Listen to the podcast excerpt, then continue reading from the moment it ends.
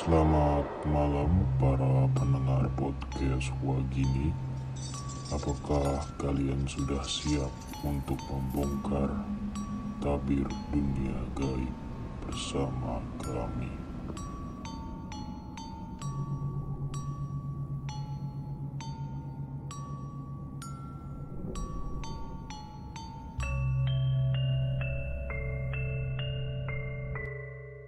Halo pendengar semua, balik lagi di Wagini, waktu gabut begini.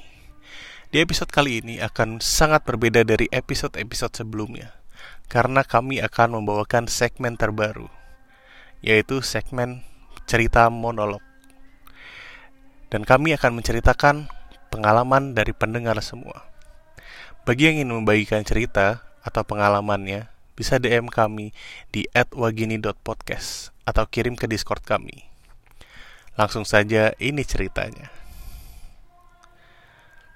Di episode menolak yang pertama kali ini, kami akan membacakan sebuah cerita dari seseorang yang tidak mau disebutkan namanya.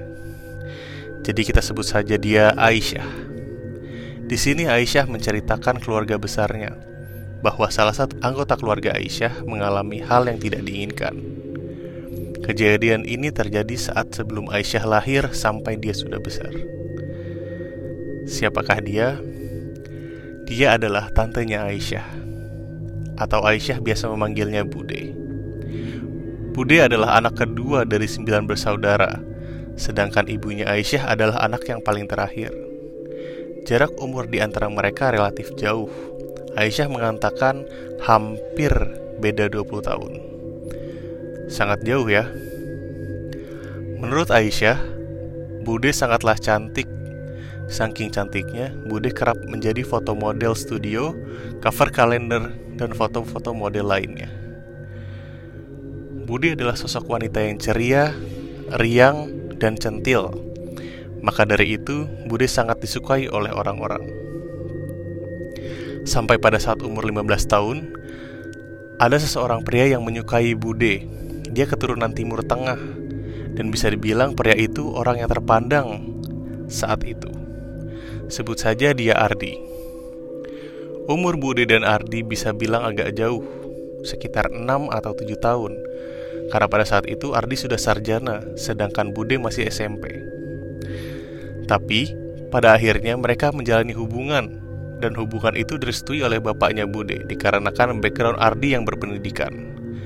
Karena pada tahun 80-an, pendidikan adalah hal yang sangat penting dan tidak semua orang bisa mencapai sarjana.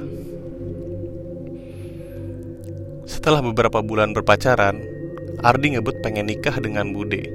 Padahal saat itu yang kita semua tahu, Bude masih di bangku SMP. Ayahnya Bude mengizinkan asal Bude sudah lulus semua jenjang sekolahnya. Ardi pun mengiyakan dan bersedia menunggu Bude hingga lulus. Seiring berjalannya waktu, Bude dan keluarga mendapatkan berita-berita yang tidak mengenakan mengenai Ardi. Ternyata, Ardi mempunyai skandal. Ardi kerap dalam kutip bermain dengan wanita-wanita lain. Dan bukan hanya itu, ternyata Andi pernah menghamili seorang wanita dan meminta wanita itu untuk menggugurkan janinnya. Setelah mendengar berita itu, keluarga Bude langsung menolak Ardi dan meminta Bude untuk memutuskan hubungannya dengan Ardi. Tetapi Ardi tidak mau dan kekeh ingin menikahi Bude. Keluarga Bude terutama ayahnya menolak keras Ardi dan tidak membolehkan Bude berkomunikasi lagi dengan Ardi. Karena keluarganya menganggap itu hal yang sangat memalukan keluarganya.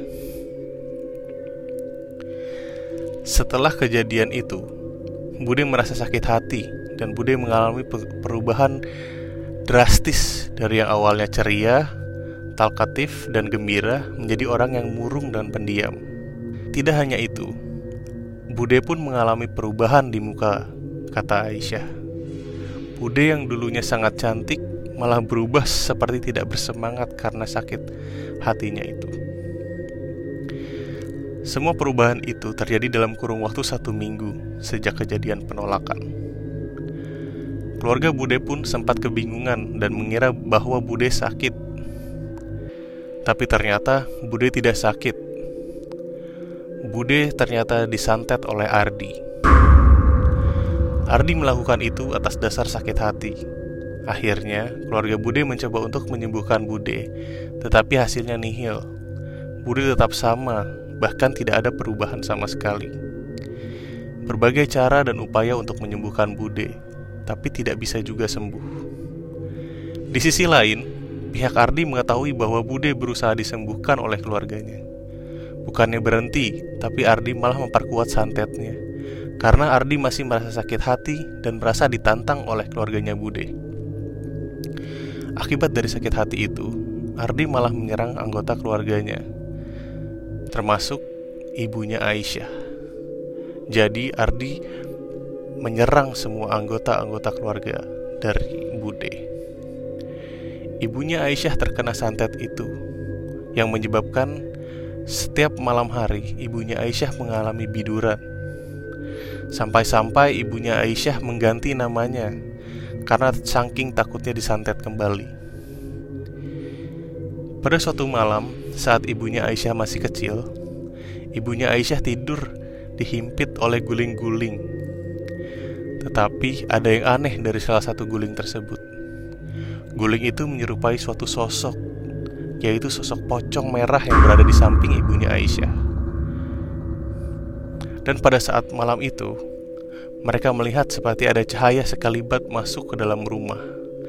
Dan sontak kakaknya ibu dari Aisyah teriak menyuruh keluar dari rumah. Karena mereka merasa ada yang mengirim santet ke dalam rumahnya. Banyak kejadian-kejadian aneh selama Bude belum sembuh. Dan sering berjalannya waktu, Budi oleh keluarganya berusaha disembuhkan walau memakan waktu yang sangat lama. Tapi akhirnya berhasil sembuh dan efek dari santetnya berkurang. Walaupun itu memakan waktu yang sangat-sangat lama. Akhirnya, Bude dipertemukan oleh seseorang laki-laki. Lelaki tersebut mengetahui semua cerita dan histeri yang terjadi kepada Bude. Lelaki tersebut ternyata ingin menikahi Bude dan mau menjanggupi semua risiko yang dia akan dapati. Akhirnya, keluarga Bude menyetujui dan mereka pun menikah. Saat setelah menikah, ternyata santet itu kembali muncul. Bude suka berlaga aneh, seperti mengamuk, menjulurkan-julurkan lidah. Mereka masih berusaha menyembuhkan dan membuang santetnya. Sampai saat setelah sekian lama mereka menikah, suaminya Bude meninggal. Aisyah dan orang tuanya pergi melayat ke rumah Bude yang ada di Cirebon.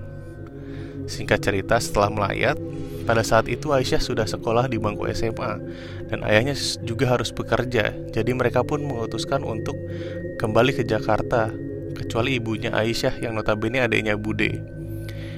Ibunya Aisyah berniat bermalam karena ingin menemani Bude untuk beberapa hari. Karena Bude masih berduka dan sangat sedih pada saat itu. Pada suatu malam di rumah tersebut, ibunya Aisyah hendak sholat tahajud. Waktu menunjukkan setengah dua malam. Dari keheningan malam, tiba-tiba Bude mengamuk dan komat kamit mengatakan kata-kata yang sangat tidak jelas. Ibunya Aisyah pun terkejut dan langsung baca-baca doa ke Bude. Bukannya membaik, tapi Bude makin kepanasan dan memberontak. Muka Bude pun seketika berubah. Mulut Bude yang awalnya normal malah menjadi menonjol maju ke depan. Seperti hal-hal layak yang ada di TV. Ibunya Aisyah tidak percaya. Dan seketika ibunya Aisyah takut dan dia beralih keluar sambil teriak memanggil orang-orang yang ada di rumah. Setelah itu, ibunya Aisyah bertemu kakaknya yang paling tua karena dia mendengar teriakannya yang keras. Kata kakaknya, kalau terjadi seperti itu, biarkan saja, jangan diapa-apain, bahkan jangan didoakan, karena itu akan membuatnya lebih parah. Setelah sekian lama, Bude pun tenang dan keluarga membawanya ke rumah sakit.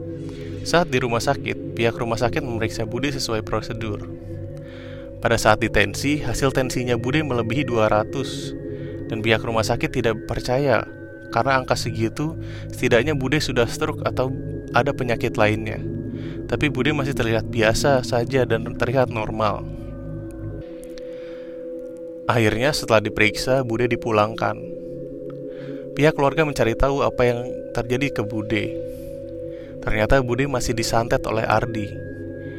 Sekarang keluarganya mengetahui asal santet tersebut. Ternyata santet tersebut berasal dari Mesir. Jadi Ardi jauh-jauh meminta santet itu ke Mesir untuk menyengsarakan Bude. Karena mengetahui itu, mereka tetap ingin menyembuhkan Bude dan mencari semua cara, tapi tetap saja tidak bisa. Hidup Bude menjadi tidak biasa karena hal ini bermula dari ia gadis muda belia yang cantik dan ceria hingga ia menikah dan mempunyai cucu. Tetap saja Bude menasih menerima santet dari Ardi. Nah, itu dia cerita dari Aisyah. Sangat-sangat tragis dan menyedihkan, bukan? Semoga kita semua dijauhkan dari orang-orang yang seperti Ardi. Mungkin itu saja di episode monolog yang pertama ini. Jika kalian ingin mengirimkan cerita, bisa DM kami di @wagini.podcast atau join Discord kami. Sampai jumpa di malam Jumat berikutnya. Salam Wagini.